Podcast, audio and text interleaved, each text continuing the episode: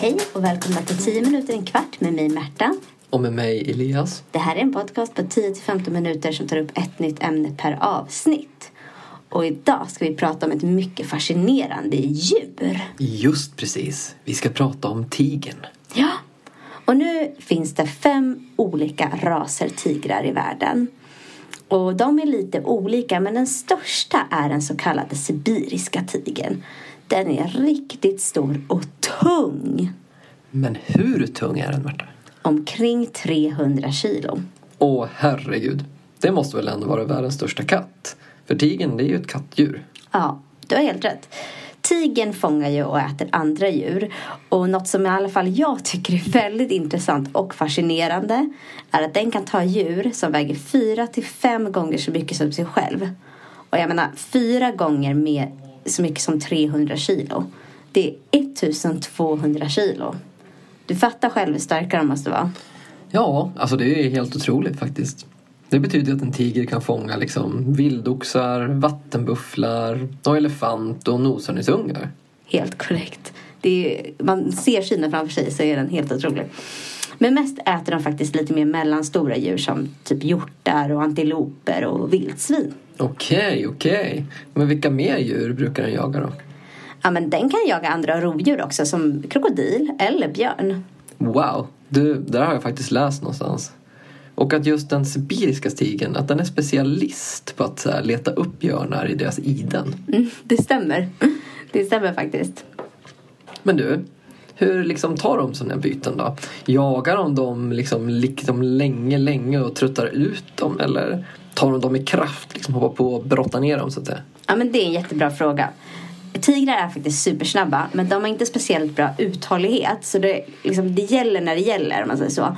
Eh, och väldigt många gånger så misslyckas de. Så det är bara ungefär, de får bara ett byte per tionde eller tjugonde anfall för att de orkar helt enkelt inte hålla ut så länge. Okej, okay. har en ganska dålig ratio. Mm. En på 20. Så det gäller verkligen då att liksom äta på ordentligt när man har nedlagt ett byte. Mm.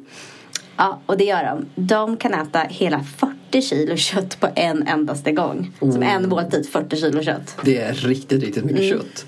Men du, stämmer det att tigern är det enda kattdjuret som faktiskt gillar att bada? Mm. De älskar faktiskt vatten, vilket ju kan te sig lite ovanligt för att vara ett kattdjur. När det är varmt så gör de ofta så som vi människor gör, nämligen tar sig ett svalkande dopp. Det låter ju väldigt skönt. Gör de det också precis som vi gör, för njutning? Eller simmar de för att liksom ta sig till olika ställen som liksom transport? Alltså simmar de för att transportera sig? Mm, absolut. Tigrar kan korsa stora floder och man har faktiskt sett eh, en tiger simma hela 29 kilometer och det är nästan tre mil. Och det är liksom en observation som har gjort att en tiger simmade nästan då tre mil i ett streck. Det är nästan ett maraton alltså. Det är riktigt långt. Men hur långt kan de simma? Eh, alltså hur långt går de då? På en dag? Ja, ja men simma det, det är liksom det längst man uppnått de här tre mil, eller 29 kilometrarna. Men hur långt de går? Mm, de kan vandra 50 till 60 kilometer per dag. Alltså 5 till 6 mil per dag. Alltså en vanlig dag liksom. Ja, det är otroligt långt. Mm. Det är ju längre än ett maraton. Mm. Men om man då tänker så att de, de går och simmar väldigt långt. Då måste de väl ha ett väldigt, väldigt stort revir. Mm. Men visst har du varit på Gotland Elias? Yes, jag har varit på Gotland. Och en tigers revir, det kan vara större än hela Gotland. Så det är ju jätte, jätte, jättestort. Och då kan man tänka lite på tigrar som lever i djurparker, tänker jag. Det är ju knappast hela Gotland. Så det måste vara väldigt instängd känsla för tigrarna. Ja, det blir väldigt hemskt mm. när man mm. tänker på det på det sättet. Mm. Jag menar, Gotland är väldigt, väldigt, väldigt stort det. Mm, verkligen. Lever de många i flock, tigrarna? Eller hur, hur har de det med samvaron? de lever faktiskt bara tillsammans i följande konstellation, nämligen mamma och ungar. Annars är de, eh, lever de själva helt enkelt. Okej, okay, annars lever de själva då. Mm. Men var lever de då? Alltså, mm. I det vilda då, menar jag? Mm. Eh, ja, men i Asien. Men liksom lite fläckvis från Indien till Kina till Ryssland, Indonesien. Och de bor faktiskt i alla möjliga miljöer. Eh, som i ja, men tropisk djungel eller snöklädd barrskog skog, eller sumpmark. Så de är ganska anpassningsbara. Liksom, hur de bor. Ja, det låter väldigt flexibla. Mm. Men om jag är i Asien så är jag ute och går lite här då. Mm. Oavsett om jag är i en barrskog eller en tundra eller i en djungel. Och så stöter jag på en tiger. Bör jag bli skraj då? Kommer den liksom börja jaga mig och försöka tjacka upp mig? Mm. Ja men du ska nog eh, bli lite skraj tycker jag. Jag har inga speciella tips för hur du ska bete dig. Men du, ska, du är helt klart chanslös. Om en tiger väljer att attackera dig så kommer du få stryk både vad det gäller styrka och speed. Ehm, så att, liksom, du är chanslös. Man tror att tigern faktiskt är det största djur som dödar flest människor. Och vissa tigrar eh, har till och med fått smak för människokött. Och det är en lite obehaglig mening. Har fått smak för människokött. Eh, och det är faktiskt så att ja, då jagar de helt enkelt för att de tycker att eh, människans kött är gott.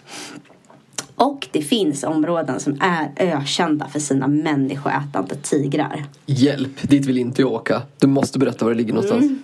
Får se om jag säger rätt här då.